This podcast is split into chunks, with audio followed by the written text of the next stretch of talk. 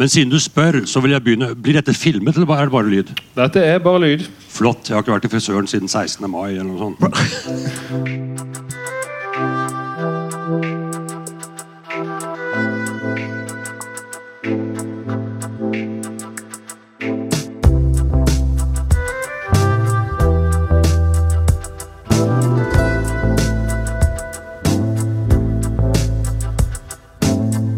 leser Amtmannens støtt eller Stormfulle høyder og tenker at dette var gammelt og kjedelig og tamme saker, så er man dårligere stilt. Men jeg, jeg likte det alvoret som kom inn der, da. Nesbø har jeg aldri lest, riktignok, men um, Lene Andersson ble jeg nylig lurt til å lese. Og jeg er mer positiv nå enn noen gang. Og så er da diskusjonen i gang. Alltid ufullkommen, alltid mangelfull, men alltid verdt å føre. Ja, Hjertelig velkommen til en ny episode av Hagesalongen. Eh, mitt navn er Erlend Lisberg. Jeg sitter her med litteraturprofessor og eh, den beryktede kritikeren Erik Bjerk Hagen. Velkommen, Erik. Takk, eh, Erlend. Har du hatt en fin sommer? ja. Eh, ja. Padling og lesing under trærne i skyggen. Og eh, ja, preapokalyptiske temperaturer. Ja, Det har jo vært veldig bra. da. Har du lest noe oppsiktsvekkende bra, oppsiktsvekkende dårlig, eller noe som handler om noe oppsiktsvekkende, sånn at jeg kunne fått en anmeldelse i Dagbladet etter deres nye retningslinjer?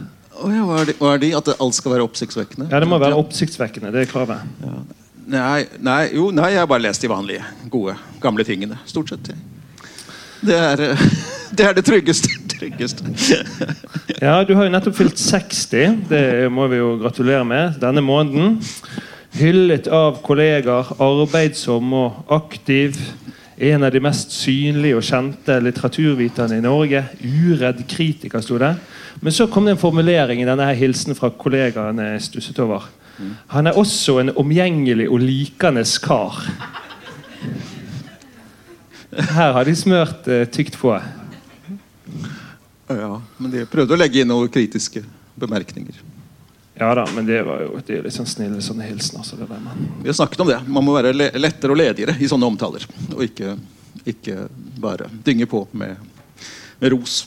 Ja, det må vi Og den- verdens beste takter. Ja, En sånn Ja. holdning må vi jo også ha her i Ja. eh, Hagesalongen. da Der vi skal sitte Vi skal jo sitte her eh, en torsdag i måneden frem til jul. Eh, Iallfall så får vi se om vi blir cancelled.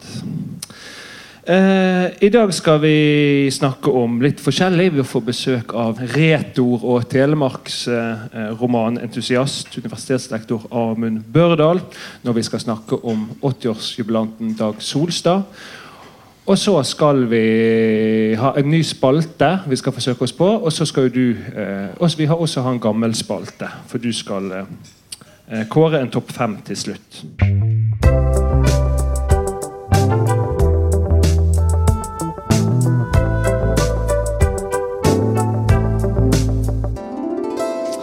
Eh, vi skal jo teste ut en ny spalte, Erik. Hagesalongen anbefaler. Hvor en av oss skal anbefale eh, noe for våre lyttere eh, hver eh, gang. En artikkel, en bok, et forfatterskap. Jeg legger herved ned forbud mot gamle Orson Wells-filmer. Hva er det du har med deg i dag? Uh, nei, altså jeg, jeg har jo anmeldt denne boken til Inghild Johansen i Morgenbladet for noen uker siden. 'Dette er G'. Men hun er jo ikke så mye lest, så hun er, på en måte er hun fortsatt en, en, en, eh, en forfatter som ikke alle kjenner, da, selv om hun er, slett ikke er under radaren. Hun ble anmeldt i Boken kom for noen uker siden. Anmeldt i Morgenbladet, i Klassekampen og NRK. Alle tre steder veldig positivt. Litt mer lunkent i Vårt Land og et annet sted, tror jeg. Bok 365, kanskje. Jeg husker ikke helt. De er jo positive til alt, så Ja, hvis de er lunken, ok. så er det jo helt Et, eh, et eller annet annet sted. Men ikke Dagbladet, og ikke Dagsavisen og ikke Aftenposten. Men uh, hun er jo sånn forfatternes forfatter og er veletablert i feltet, på et vis, da, men, men det er mange som ikke aner hvor god hun er. Og etter mitt syn er, hun en av de beste norske prosaistene. Hun har vært det ganske lenge. Så, så um, litterære prosaiser. Iallfall. Skjønnlitterære. Så, så jeg vil anbefale uh, alle hennes fire. Hun har bare skrevet seks bøker og hun er eldre, eldre enn meg. så hun er, hun er Hva er de beste bøkene, da? kresen. Så det, det er Klage, det er Forsvinne, det er Bungalow og det er denne Dette er G. Det er de fire siste. Alle de, er, um, de henger på en måte sammen også, så de, så de kan leses i hvilken som helst rekkefølge. Fin blanding av uh, svart humor, komikk, patos, alvor, seriøsitet. Skriver ingen klisjeer. Verven i Klassekampen sa at språket hennes uh, kommer, kommer til i sprekker der ingen andre kommer til. Og det syns jeg var ganske, ganske treffende. Da. Mm. Ok, Da eh, lar vi lytterne notere seg det, og så går vi videre til neste segment.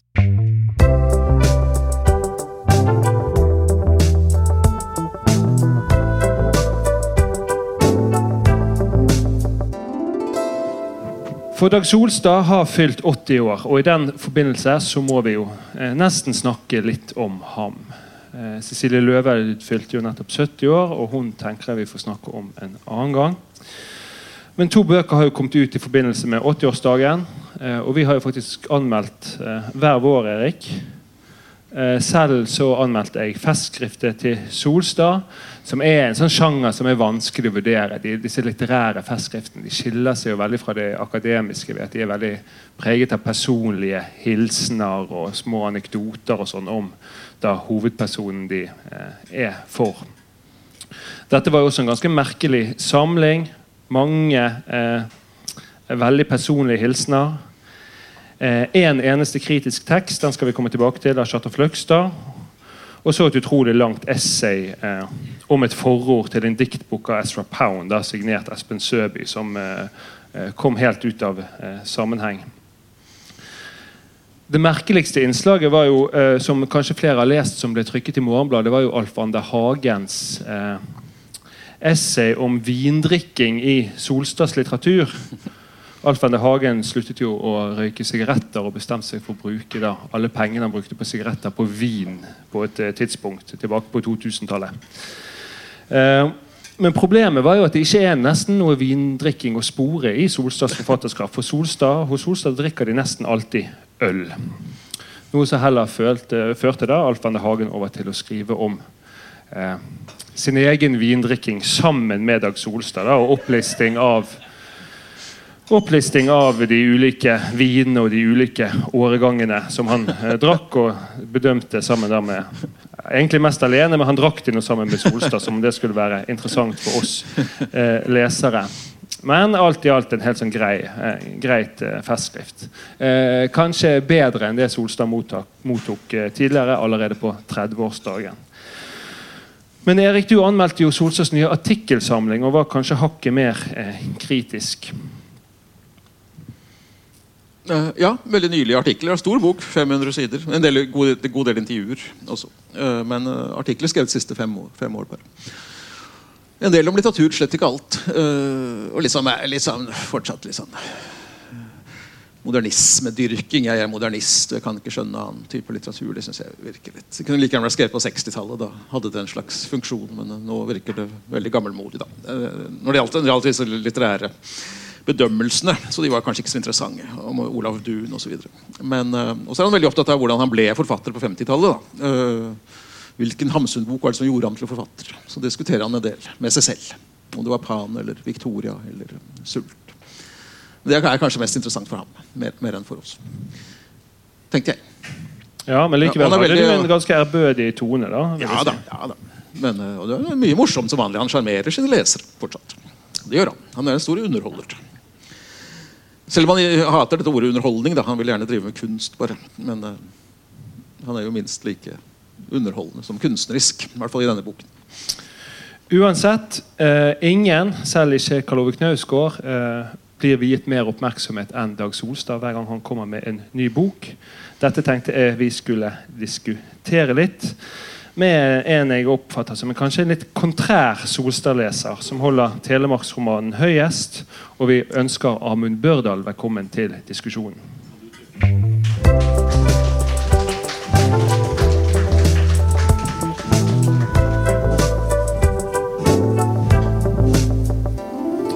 Ja, Velkommen til Hagesalongen, Amund. Har du lyd? Eh, ja, har jeg lyd? Det høres ja. sånn ut. Hva er ditt forhold til Dag Solstad, Amund? Ja, ja, man kan jo si om man vil her, bare ikke barn hører på, men musikken er bra.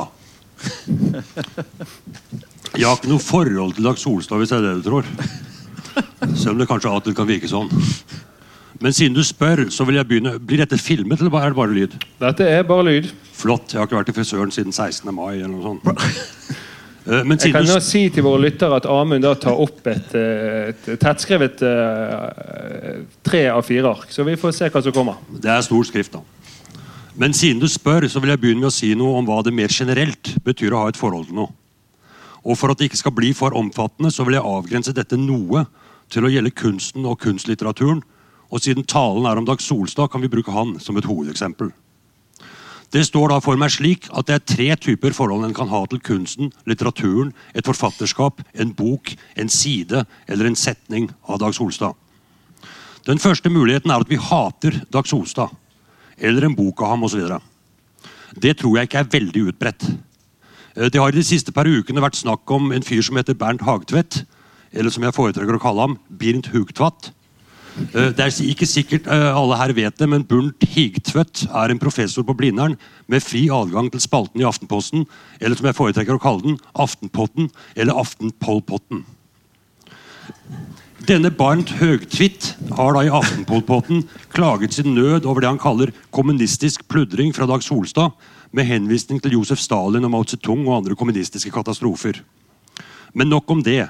Jeg tror ikke egentlig at Bernt Høgtvedt hater Dag Solstad. Jeg tror mer er det at han elsker å høre sin egen stemme. Og se seg selv på trykk i Aftenpotten. Så er det den andre muligheten, og det er at vi elsker Dag Solstad.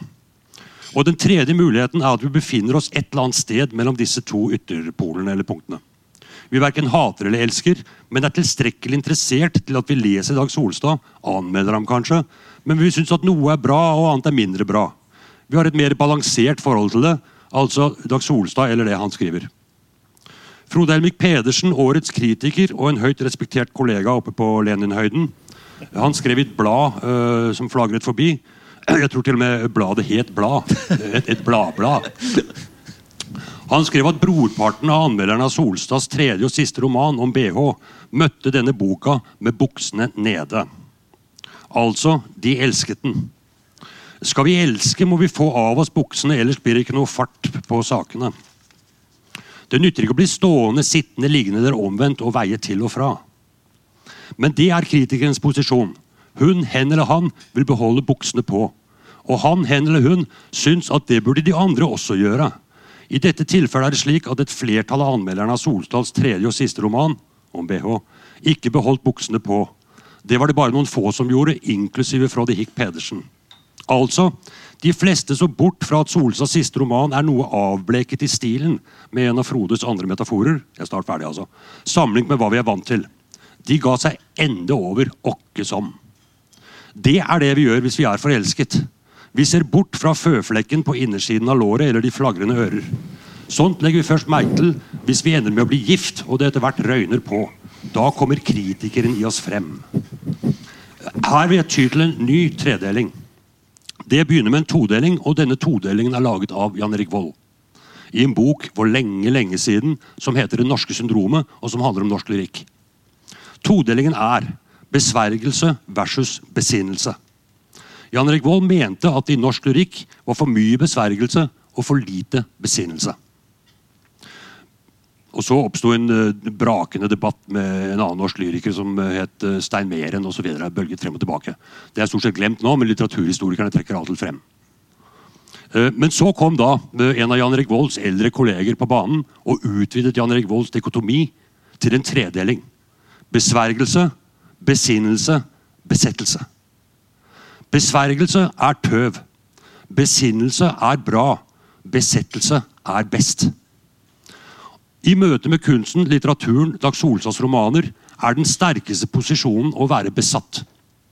Besatt av glede, besatt av begeistring. Eh, Her kan jeg fort, eh, og jeg lover å fatte meg i korthet, trekke en analogi til mitt forhold til Bob Dylan. Eh, Og det er da slik at eh, 99 ut av 100 ganger hvor jeg hører på musikk, så hører jeg på illegale liveopptak med Bob Dylan i perioden 1999 til 2019. Den hundrede gangen hører jeg på eh, ABBA. Eh, Men der er jeg mer kritisk og holder meg til ABBA Gold. Den er fantastisk. Mens resten er mer sånn ymse, inklusiv de nye låtene. Eh, Når jeg da hører på disse hundrevis, for ikke å si tusenvis av Dylan-konsertene, så er jeg besatt.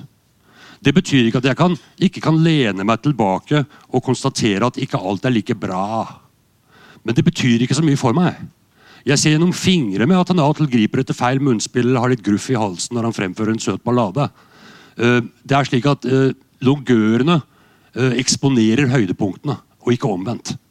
Det er helheten i dette som jeg er besatt av. Jeg veier ikke til og fra her og der. Jeg gjør det òg, men nå fatter jeg med korthet. Hvis du så eh, eh, spør om mitt forhold til Dag Solstad, så kan jeg med en gang, og kanskje litt overraskende, det vet ikke jeg noe om, si at jeg rett som det er, eh, for det første blir besatt av glede og begeistring. Men for det andre, jeg tilhører ikke innersirkelen, ja, nær sagt grunnsirkelen, av folk som elsker Dag Solstad. Den av Solstads romaner som jeg er blitt mest besatt av, er det uoppløselige episke element i Telemark i perioden 1591 til 1896. Og Det er det flere grunner til, men her skal jeg bare nevne én. Telemarksromanen er befriende lesning fordi den forsofne og fremmedgjorte lektortypen som for mange tiår siden innfant seg i Solstads forfatterskap, glimrer fullstendig med sitt fravær. Det fins ikke spor av ham. Hva enten han heter Elias Rukla, Snekker Andersen, T. Singer, Armand den femte, Bjørn Hansen eller hva det er de heter alle sammen. Dette er typer som jeg er blitt trett av. Med mange modifikasjoner som vi kanskje kan komme inn på, eller kanskje ikke. jeg vet ikke hvor mye tid vi har. Men mitt hovedeksempel vil da være Arman den femte, som jeg syns er en særlig utroverdig romanfigur. Men nå vil du kanskje ha ordet. Tusen takk eh, for det, eh, Amund. Litt vanskelig å gå videre her nå eh, i eh, formatet. Men eh, det var jo mange interessante refleksjoner der.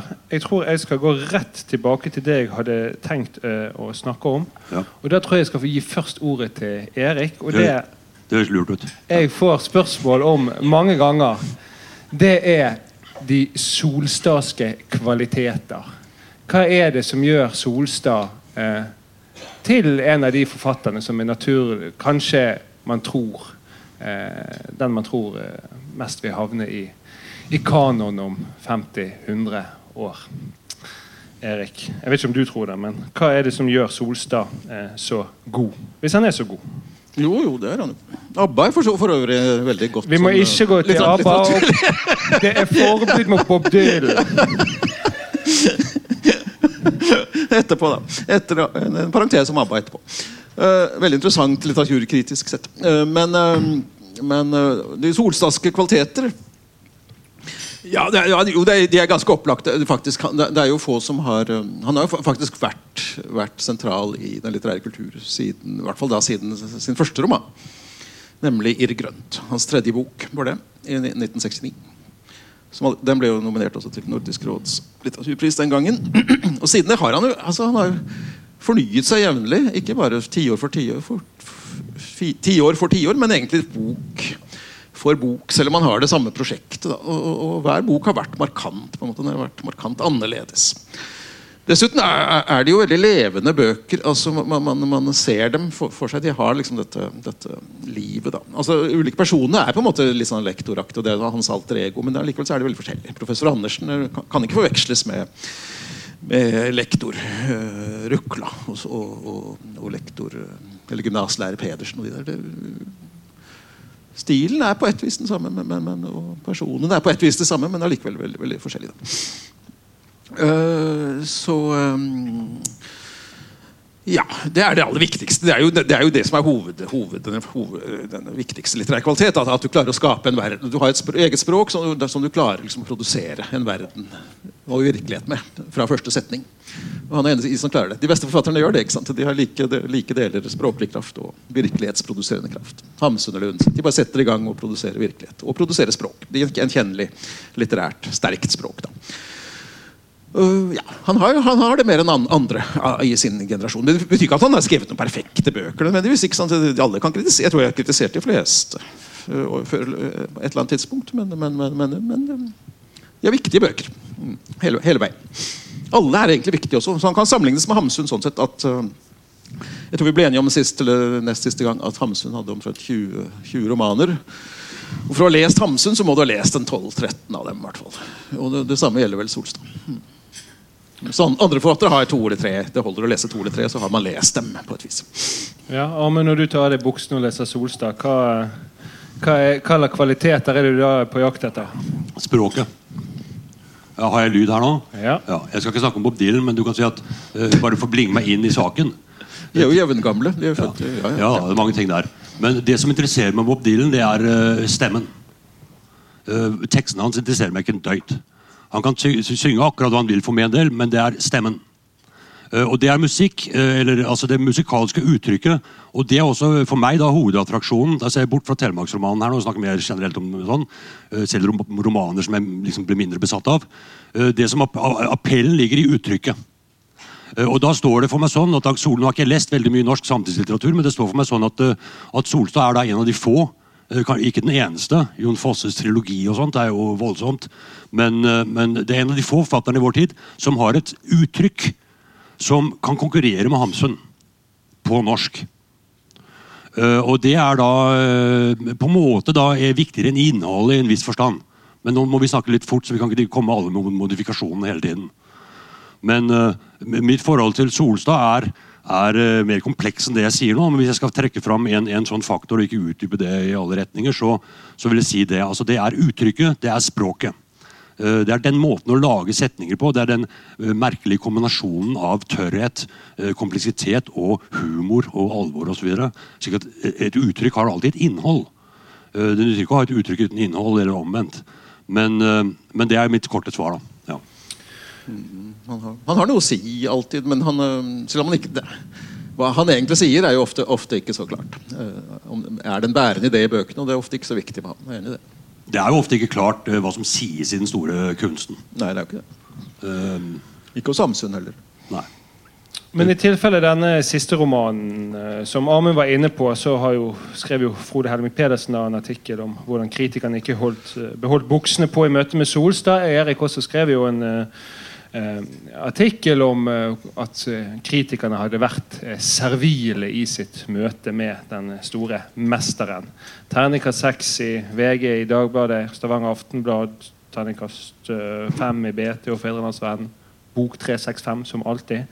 Men det var tre kritiske, eh, eller negative.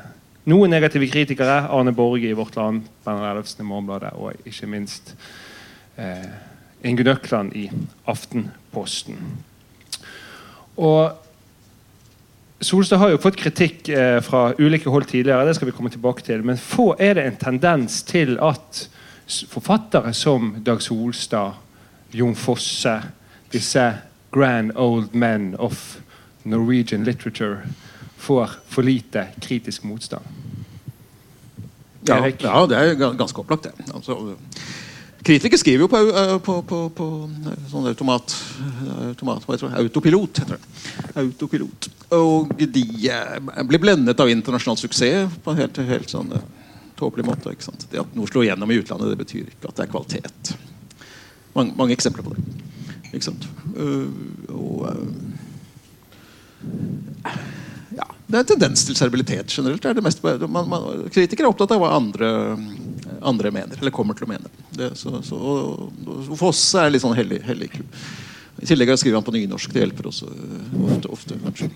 Så Olstad er definitivt en nasjonalpark. Jeg tror det var Jan Kjærstad, Jan Kjærstad som kalte ham en nasjonal, Norges største nasjonalpark. Eller, og det, det stemmer litt, da. Mm. Det er vanskelig å kritisere ham. Han er ikke større enn Hardangervidda. Jo, jo, i noen, i noens øyne. Solstad er lett. Altså. Noens, noens øyne. Men uansett, han bør møtes kritisk. da. Det, samme gjelder jo med Ibsen ble jo faktisk møtt med kritikk lenge lenge etter at han var død. Det, det var først de siste 50 år at, at han eh, er blitt det ikonet. Utilnærmelige ikonet han er på mange måter er blitt i Norge. Ja, men Man skulle jo tro at man var mer kritisk til de beste. sant? For de skal man jo ofte måle opp mot sitt tidligere forfatterskap. og, og sånn. Så Man er jo mer kritisk eh, Man bør jo være mer kritisk til eh, de gode enn til eh, de dårlige. Ja, Det var den gamle Monrads, store kritikeren Monrads posisjon. Han skulle hjelpe de svake og, og piske løs på de sterke. Det skrev jo også Arne Borge, hvis jeg ikke husker helt feil, i hans anmeldelse. At Han sa at dette var en dårlig roman, men eh, sannsynligvis den beste romanen du kommer til å lese. Ja, det er forferdelig. Forferdelig formulering. Hvis det er dårlig, så er det dårlig. Men det er jo ikke alltid kritikerne har vært like servile. For Solstad får kritikk fra eh, eh, Har fått en del kritikk opp igjennom. Og særlig negative var de jo i eh, kritikerne i tilfellet eh, Telemarksromanen. Eller det oppløselige episke elementet i Telemark i perioden 1591 til 1896. Uleselig, kjedelig, traurig, ikke-litterær var vel noe som gikk eh, igjen hos flere av kritikerne. Og det var i alle fall ingen roman. Dette var slektsforskning. Nå ble boken nominert til Brageprisen og fikk en del eh, positive kritikker også, men eh, men beholdt kritikerne i dette tilfellet buksene på, Erik? Eller er det, er det, var det noe annet som skjedde i det tilfellet? Nei, nei, Jeg skjønner godt den reaksjonen, for så vidt, for det er jo en slags antiroman. Det er jo ikke akkurat en typisk Solstad-roman. da, det er Noe man må jobbe spesielt med for å verdsette, antagelig, slik eh, Ahmed har gjort. da. Eh, Så selv har jeg faktisk ikke, ikke gjort det arbeidet som trengs. Så det er en roman jeg ikke har noe forhold til. Men, eh, men, det, men det betyr ikke at jeg, min dom er negativ. Eh, Men det er jo, det er jo mye slekt, slekt eh, Ja, definitivt. Tilbake til 1600-tallet. Ja, men Du gjennomgår jo, gjennomgikk jo litt av kritikken for vinduet i sin tid. Hva, hva syns du om kritikerne som ikke Som eh, sa disse tingene? da? Uleselig, kjedelig, traurig. Hvor mye tid har jeg? Eh, du skal få fem minutter på dette spørsmålet. Eh, Jeg skal komme tilbake til det om et øyeblikk, men jeg vil arrestere et, et punkt som har vært her før, som jeg savner dokumentasjon av. Og det er at uh, Dag Solstad og eller disse største, disse koryfeene uh, Er det sant at de gjennomgående har fått veldig god og positiv kritikk, kritikk opp gjennom alle år? Altså, uh, Unnskyld analogien, men tre fjerdedeler av alle Dylan-konserter blir jo slaktet av journalistene. Eh, han synger falskt og spiller ikke de låtene han burde spilt. og de kjenner ikke kjensel på hva han synger og sånn. Det rører ikke oss eh, som står eh, og banger hodet i scenekanten eh, forrest. Disse journalistene gjør fullstendig blaffen i. Eh, og, og, og det er tilsvarende her. at jeg tror at Hvis man gikk gjennom Solstad-resepsjonen Det har ikke jeg gjort, altså. Men så vidt jeg husker da 25. septemberplassen, eh, den EU, unnskyld, EF-romanen eh, kom ut, så fikk den en masse debatt og kritikk og sånn, som forlaget gikk til det skritt å samle et eget bind. Så Det finnes et appendix-bind til 25. september. Det er Solstads beste roman, ifølge Helmik Pedersen. Eh, og, og som ble utgitt. Jeg tror ikke det er gjenutgitt, da, men, men man samler kritikken der. Og det hadde man ikke gjort hvis den boken, eh, det appendikset bare var fullt av, av sånn tomt skryt eh, av folk som drev med besvergelser. Det var mye for og mot. Og det kan være at det har gitt seg. det vet ikke jeg, Jeg følger ikke med i alt som skjer. Men altså Det ga seg sånn rundt 1985. Mm. Hæ? Det ga seg i 1985. Ja, ja. Fra da har det bare vært liksom hoiing og klapping. Har ikke du drevet med sånn ditt pipekonsert sjøl? Jo, jo, jo, jo, jo. Så, så det er det ene. altså Hvor, hvor, hvor, hvor, berømte er de store i kraft av at man liksom bare står og heier? Det er jo en, en dame i Oslo som heter Ingrid Estenstøtt eller et eller annet sånt, som har skrevet en doktorgrad som handler om at Dag Solstad er blitt berømt pga. sånne maktmekanismer i, i, i diskursfeltet eller et eller annet sånt. Jeg har ikke lest den avhandlingen, jeg er sikkert god om alt annet enn det som står om Dag Solstad. har jeg en følelse av. Altså Man kan lære mye litteraturteori og sosiologi av det, og that's it. Eh, Jeg vet det ikke, for jeg har ikke lest den. Jeg har ikke, planer i den retning. Men altså, Det er det ene. Men det Solstad-romanen, da er det sånn at kritikken av, eh, av eh, Telemarksromanen kan oppsummeres veldig kort. Og det er at, det er at grunnen til at kritikerne da ikke får dreis på denne romanen, det er at de ikke lystrer ordre. De to første setningene i romanen lyder Les langsomt hvis man vil forstå hva jeg sier. Jeg må nok begynne med å si dette, for det som nå en gang står, kan ikke sies på noen annen måte. Og Da nytter det ikke å si sånn som kritikerne i Aftenposten, at, eh, at denne boken starter med en klønete hersketeknikk. Og Hvis man hadde lest romanen gjennom og ikke likte den, så er det fordi man ikke har lest den langsomt nok. Disse kritikerne de får utdelt denne romanen 2.10.2013, og så skal de alle sammen være på pletten 12.10.2013, for da kommer romanen. Det er helt umulig å lese den romanen på ti dager. Jeg brukte tre kvart år på den. Og eh, jeg har skrevet den eh, i krigsmåneden mars eh, rett bak oss. Så har skrevet en, en 40 sider artikkel om det, som jeg håper å få på trykk. Eh, Og da er det ikke sten på sten tilbake av, eh, resepsjonen av den romanen. for å si Det sånn. Det er siste spiker i kisten for folk som slaktet Telemarksromanen. Det kan du glede deg til. Eh, Du nevner jo Erik i din eh, Tror jeg i din eh, eh, vinduartikkel. Jo, jeg feilsiterer han òg. Å ja. Ja. Ja. For da skriver du at uh, at Erik da på Kritisk kvartett sier om Solstad hadde holdt seg til, til sine oldeforeldre, så kunne det blitt en roman. Ja, Før han går videre til å rose da Thomas Espedals 'Bergeners', som, er, som vel er en av eh, Espedals eh, svakere romaner de siste 20 årene. Jeg hadde med meg et eksemplar av 'Bergeners' som jeg ga bort til den som ville ha det den kvelden. Men, Hva har du eh, å si til ditt forsvar, Erik? Eh, ja, det, det var litt overilt. å- for- som, jeg, som jeg er enig med Amundsen. Du, det, det er en bok man må bruke litt tid på. men heia Espedal. Heia Før man han, kan felle. han er en strålende type. Bergener syns jeg er en fin bok. Ja. Men det er ikke så mange som liker den. Eh, Det, det er jeg enig i. Men, men det betyr ikke at jeg tar feil.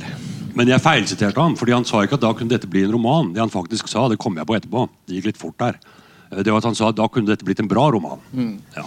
Men han har klaget over at han, ingen kjenner oldeforeldrene sine. har han klaget over eh, tidligere. Og, så Det ville også vært interessant da, å holde seg til oldeforeldrene og fremover.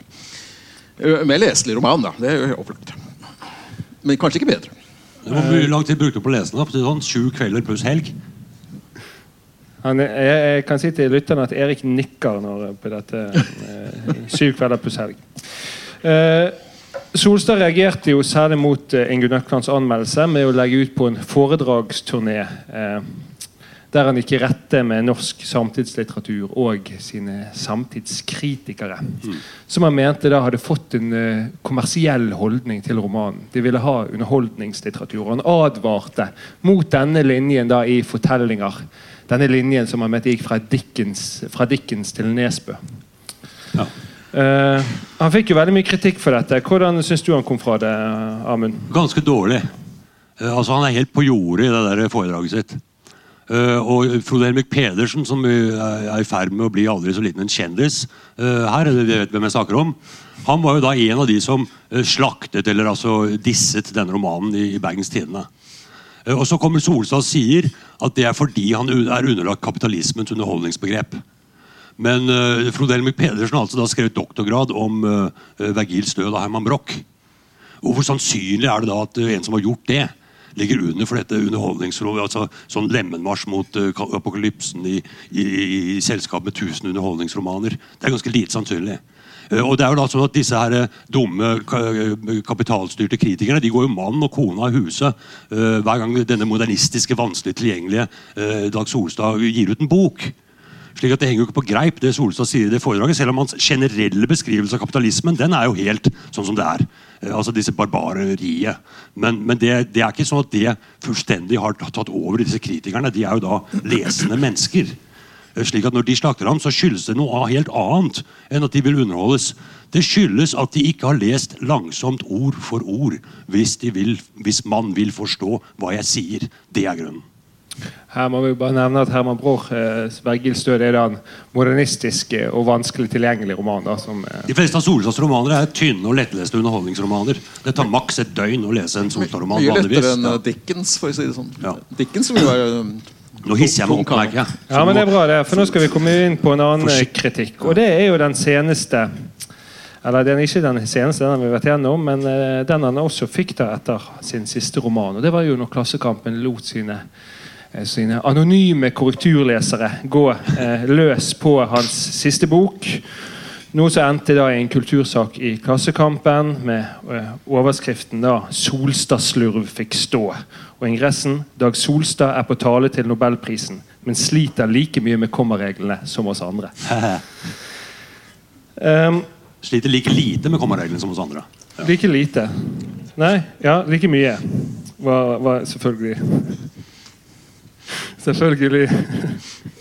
Eh, ingressen eh, De fant jo da 500 feil i hans eh, siste roman. Og Solstad tente jo på alle plugger. Et rasende innlegg med, under overskriften 'Et oppgjør'. Så krevde han eh, at Klassekampens redaktør erklærte siden med oppslaget for døde og maktesløse, og tok farvel med avisen med ordene 'Kyss meg i ræva'.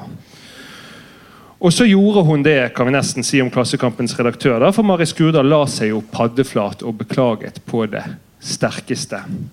Men du hadde egentlig sympati med Klassekampens eh, korrekturoppslag. Hadde du ikke det, Erik? Jeg så ingenting galt med det. Det handlet om korrekturlesing og språkvask. Det handlet ikke om Solstad primært. Det var bare et eksempel. Selv Solstad, selv vår fremste forfatter. Der, eh, bakteppet er jo også at, at, det er mindre korrekturlesing og, og språkvask. Ikke minst i avisene, da, men også i, i i bøkene da, enn en, en tidligere. Og, og, En mengde av disse rettelsene var jo helt på sin plass. ikke sant? Noe helt åpenbare komma etter uh, innskuddsrelativ bisetning, eller Gynter Grass som var feil, feilskrevet osv. Det var jo ikke med hensikt. Ganske opplagt. Og, dessuten, alle som leste den artikkelen, eller alle, som har vært borti språkvask og, og, og, korrekturlesing, vet jo at det bare er forslag. Forfatteren skal jo sitte og se om dette har noen forskjell eller ikke, og godkjenner noen rettelser og forkaster andre. Og Mange av disse forslagene var jo også tvilsomme som Solstad med all rett eh, bare ville, ville ja, ja, det, er, det, er flik, det, er, en flik av fornuft i dette her, men stort sett er det jo bare tull. Altså Hvis man da leser seg bakover gjennom Dag Solstads romaner på jakt etter brudd på kommareglene, så inneholder jo alle romanene hans hundrevis av brudd på kommareglene. Eh, en av de eh, feilene han gjør hele tiden, og som vi har lært på skolen, jeg vet ikke hvor mange ganger at vi ikke må gjøre, det var komma etter innledende bisetning eller leddsetning.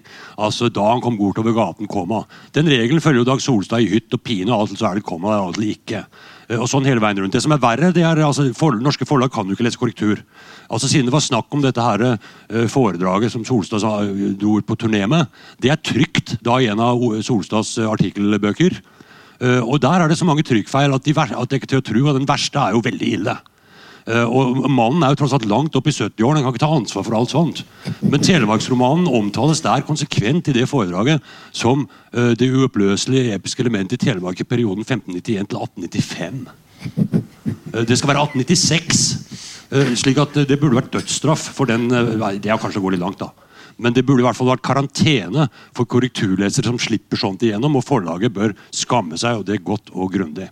Og Det fins andre uh, eksempler, men det er kanskje det verste. da. Men Det verste med saken var at redaktøren be, uh, falt sine journalister i ryggen og ble faktisk beklaget. Det, at Solstad går til angrep på Klassekampen, er jo fordi han må jo ha litt moro i hverdagen. Ja, Eh, altså som, som, det sto i, i Morgenbladet i går, var et flott intervju med han gamle SF-ørnen, SV-ørnen, han Ørnhøi. Uh, hvor han eh, omtalte den der Birnt Higtvedt-Solstad-debatten. Og Da sa han at Solstad koser seg glugg i hjel. Morsommere blir det ikke. og Det siste er kanskje litt overdrevet, men det er klart det at Solstad, hvis han da blir spurt om dette igjen av en eller annen avis, så køler han på med en ny setning om at det var synd at ikke Mao slo gjennom. og sånn. og Det gjør han jo selvfølgelig fordi han tar selvfølgelig ikke disse folkene på alvor et sekund. Det er ingen fornuftige mennesker som gjør. Nei, da kan vi jo komme inn på denne her eh, kritikken mot uh, denne slags mer ideologisk funderte kritikken mot Solstad. Altså, I festskriftet er jo Kjartan Fløgstad den eneste som gir han ordentlig motstand og kritikk. da. Dette er jo gamle kjepphester som alltid ris. Kjartan Fløgstad mener jo da at Solstad har da viser stor klasseforakt og elitisme. At han har forlatt arbeiderklassen, hvis han noen gang har egentlig vært der. Mens han får kritikk fra Høyre da, med denne eh, Bernt Hagtvedt, som eh, jeg kaller han, som eh, der kritiserer Solstad for at han eh, ikke vil avsverge kommunistbegrepet, men at han fortsetter å kokettere eh, med at han vil huske som kommunist, som han vel uttalte til Klassekampen. og eh, Jan Landro hadde jo et intervju med han i Dag og Tid, der han også Landro da spør med henvisning til maoismen hva med undertrykkingen og kulturrevolusjonen som drepte millioner av mennesker? Og så svarer da Solstad eh, det der har jeg ikke studert så nøye. Jeg regner med at folk måtte dø i kampen for og mot maoismen. Men dette vil jeg ikke gå inn på. Fortjener ikke Solstad da litt, eh, litt eh, pepper fra eh, både høyre og venstre, Amund? Um. Eller er det bare et ironisk spill som liksom eh, at han bare kødder? Nei, Man kan eh, svare kort eller langt på det, men altså, man kan jo lese det der intervjuet med, med Ørnhøy. Stein Ørnhøy. Uh, og Han uh, trekker jo da et veldig viktig skille mot slutten av det intervjuet, i hvert fall den SOSA-seksjonen av intervjuet. At Eh, Dag Solstad har altså da ikke eh, vært med på å gjennomføre det store spranget eller eh, vært en av rødegardistene under kulturrevolusjonen. Og sånn. Og det skiller ham f.eks. fra Jens Stoltenberg og hans eh, kompaner, som faktisk har sendt soldater inn i andre stater eh, og drept folk ved å bombe dem og sånt. Og jeg har til gode å lese en kronikk i Aftenpotten av eh, Bernt Høgtvedt, eh, eller Bernt Hagtvedt, som du kaller ham, eh, hvor han går til angrep på en 80 år gammel eh, Aftenposten-redaktør eh, pga. vedkommendes holdninger under Vietnamkrigen. Eh, Disse folkene skal feie for alle andre dører enn sin egen. De skal hele tiden angripe gamle Moskva og Mao-kommunister. og sånne ting. Det er det eneste som står i hodet på dem. De blir aldri lei av Pol Pot. Og hvis de sier at det er av hensyn til deres omsorg og medlidenhet med alle disse millioner av ofrene, så tror jeg dem ikke et sekund. Jeg tror ikke de har noe omsorg for bønder som ble spiddet av sånne overivrige 18-årige eh, folk som var utstyrt med et flagg av Mao Zedong. Jeg tror ikke de har noe sympati for eh, Stalins deportasjoner eller Gulag. Det interesserer dem ikke et øyeblikk. Det som interesserer dem, er å høre sin egen stemme i en offentlighet som er, eh, da er et spill for galleriet. Og ikke Dag Solstad er ikke noe spill for galleriet. Aldri. Men, men det betyr ikke at han ikke kan finne på å si sånne ting, men han sier det ikke på gøy, han sier det på alvor. Og gøy, på en måte samtidig. Eh, Men han sier det fordi han ikke tar disse andre folkene på alvor, og det gjør han rett i. Hva sier du, Erik? Du eh, rynker på nesen.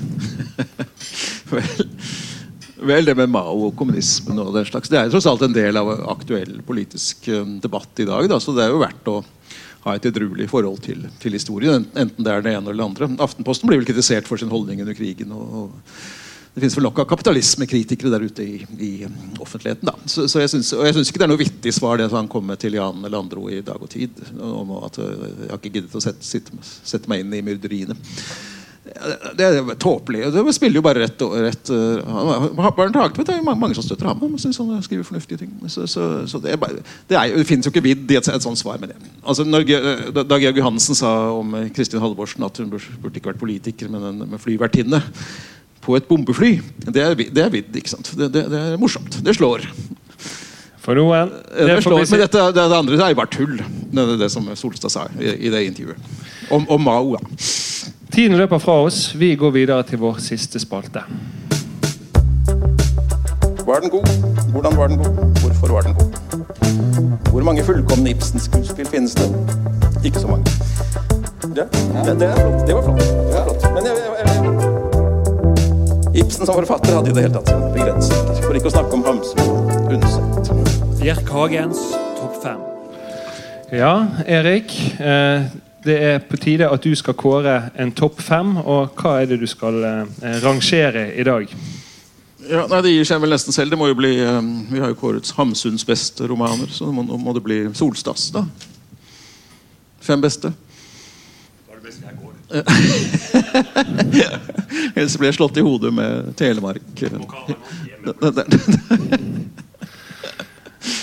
Ja, Hva er det du har med deg eh, i dag, Erik? Dag Solstads fem beste. Jo, eh, Vi får ta, sette en uh, 90-tallsroman på femteplass. Nemlig um, den første boken om Bjørn Hansen. Han skulle antagelig aldri ha skrevet de to neste, fordi mange mener at de ødela for dette første mesterverket. Nemlig 11. roman, bok 18. Så eh, tynn bok, men, men, eh, men skjellsettende om da denne denne hva het hva han igjen? Han var, ska, i, skatteetaten i Kemner, Kemner, Kemner. Kemneren på Kongsberg. selvfølgelig Kongsberg. Ja. Kemneren på Kongsberg Som setter seg i rullestol uh, av en eller annen grunn. Frivillig. Som en protest. Han store nei. Ja. Ja, og får besøk av sin tenåringssønn. Det er vel det mest, mest minneverdige der. da Spillet mellom denne faren og denne hjemvendte sønnen som tenåring som skal bo sammen med faren i en liten leilighet. Det går ikke så bra. Nummer fire. Uh, ja. Det har visse svakheter med rullestoler. Altså, det noe barn. Altså, jeg snakket med en, øh, en sosialøkonom en gang som, som, som, øh, som var en stor Solstad-fan. Han skjønte ikke hvorfor han ikke skrev romaner for voksne. Og det er et eller annet sånn barnslig på en måte ved denne rullestolscenen. Så, så bare femteplass. Men en av de, beste, en av de mest, mest kjente og beste. Men en, for, øh, fjerdeplass da har vi en bok fra 1980 Hva var det da? Fire, tror jeg. Forsøk på å beskrive det ugjennomtrengelige. Som egentlig er en innledning til disse, disse 90-tallsbøkene om, om negasjonskunstnerne fra, fra 90-tallet. Altså de som bare melder seg ut og trekker seg tilbake og setter seg i rullestol. Nekter å anmelde et uh, mord de ser i naboleiligheten. Eller, eller, uh, eller uh, skjeller ut elevene over vannfontenen i skolegården og bare går vekk fra alt. Ikke sant? Og dette er om, om den vellykkede Oslo Vest-mannen som, som, flykter fra familie og jobb og alt det vellykkede i Oslo Vest og, og bosetter seg på Romsås hos folket. Og egentlig er, den, er den en livligere bok enn disse 90-tallsbøkene. Så fjerdeplass på den. Tredjeplass? Ja, det, det, må være denne tidlige 25. september-plassen, som, som, som, på et vis er, er en, en, stor historisk roman om, om, om, arbeiderne i Halden fra annen verdenskrig og frem til EU, eller EEC-avstemningen. da historisk roman om, om årene i 19, 19, rundt 1972, men, men også om, om, utviklingen fra 45 og frem, frem dit. da. Hos folk, og Der er han virkelig hos folket. Hos, hos en familie i, Halden. Og, og, helt vanlige folk og som han følger. Noen blir radikale, noen blir eh, konservative uh, arbeidere og, og, og, bryr seg ikke om politikk. Noen blir arbeiderpartifolk, noen blir uh, kommunister. Eller uh, suffere, som det heter den gangen. Og da, da, da, da, tar han seg tid til å skildre folk, og får, og får det faktisk til. da.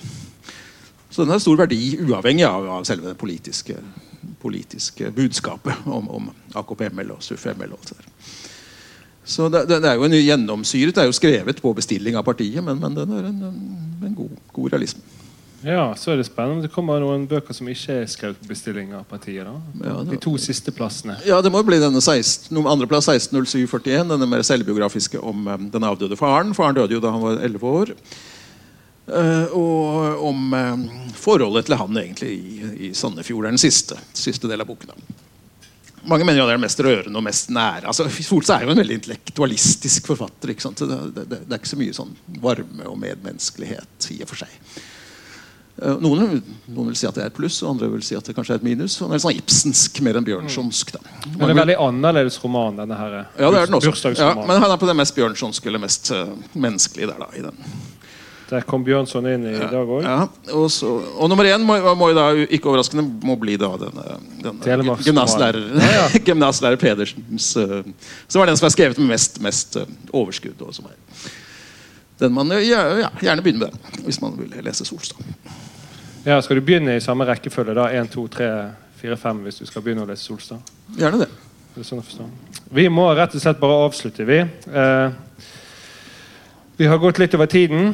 Tusen takk til våre gjester Johannes Grytnes og Amund Børdal. Takk til publikum og du som hører på podkasten. Vi spiller inn en ny episode torsdag 7. oktober på Gjenhør.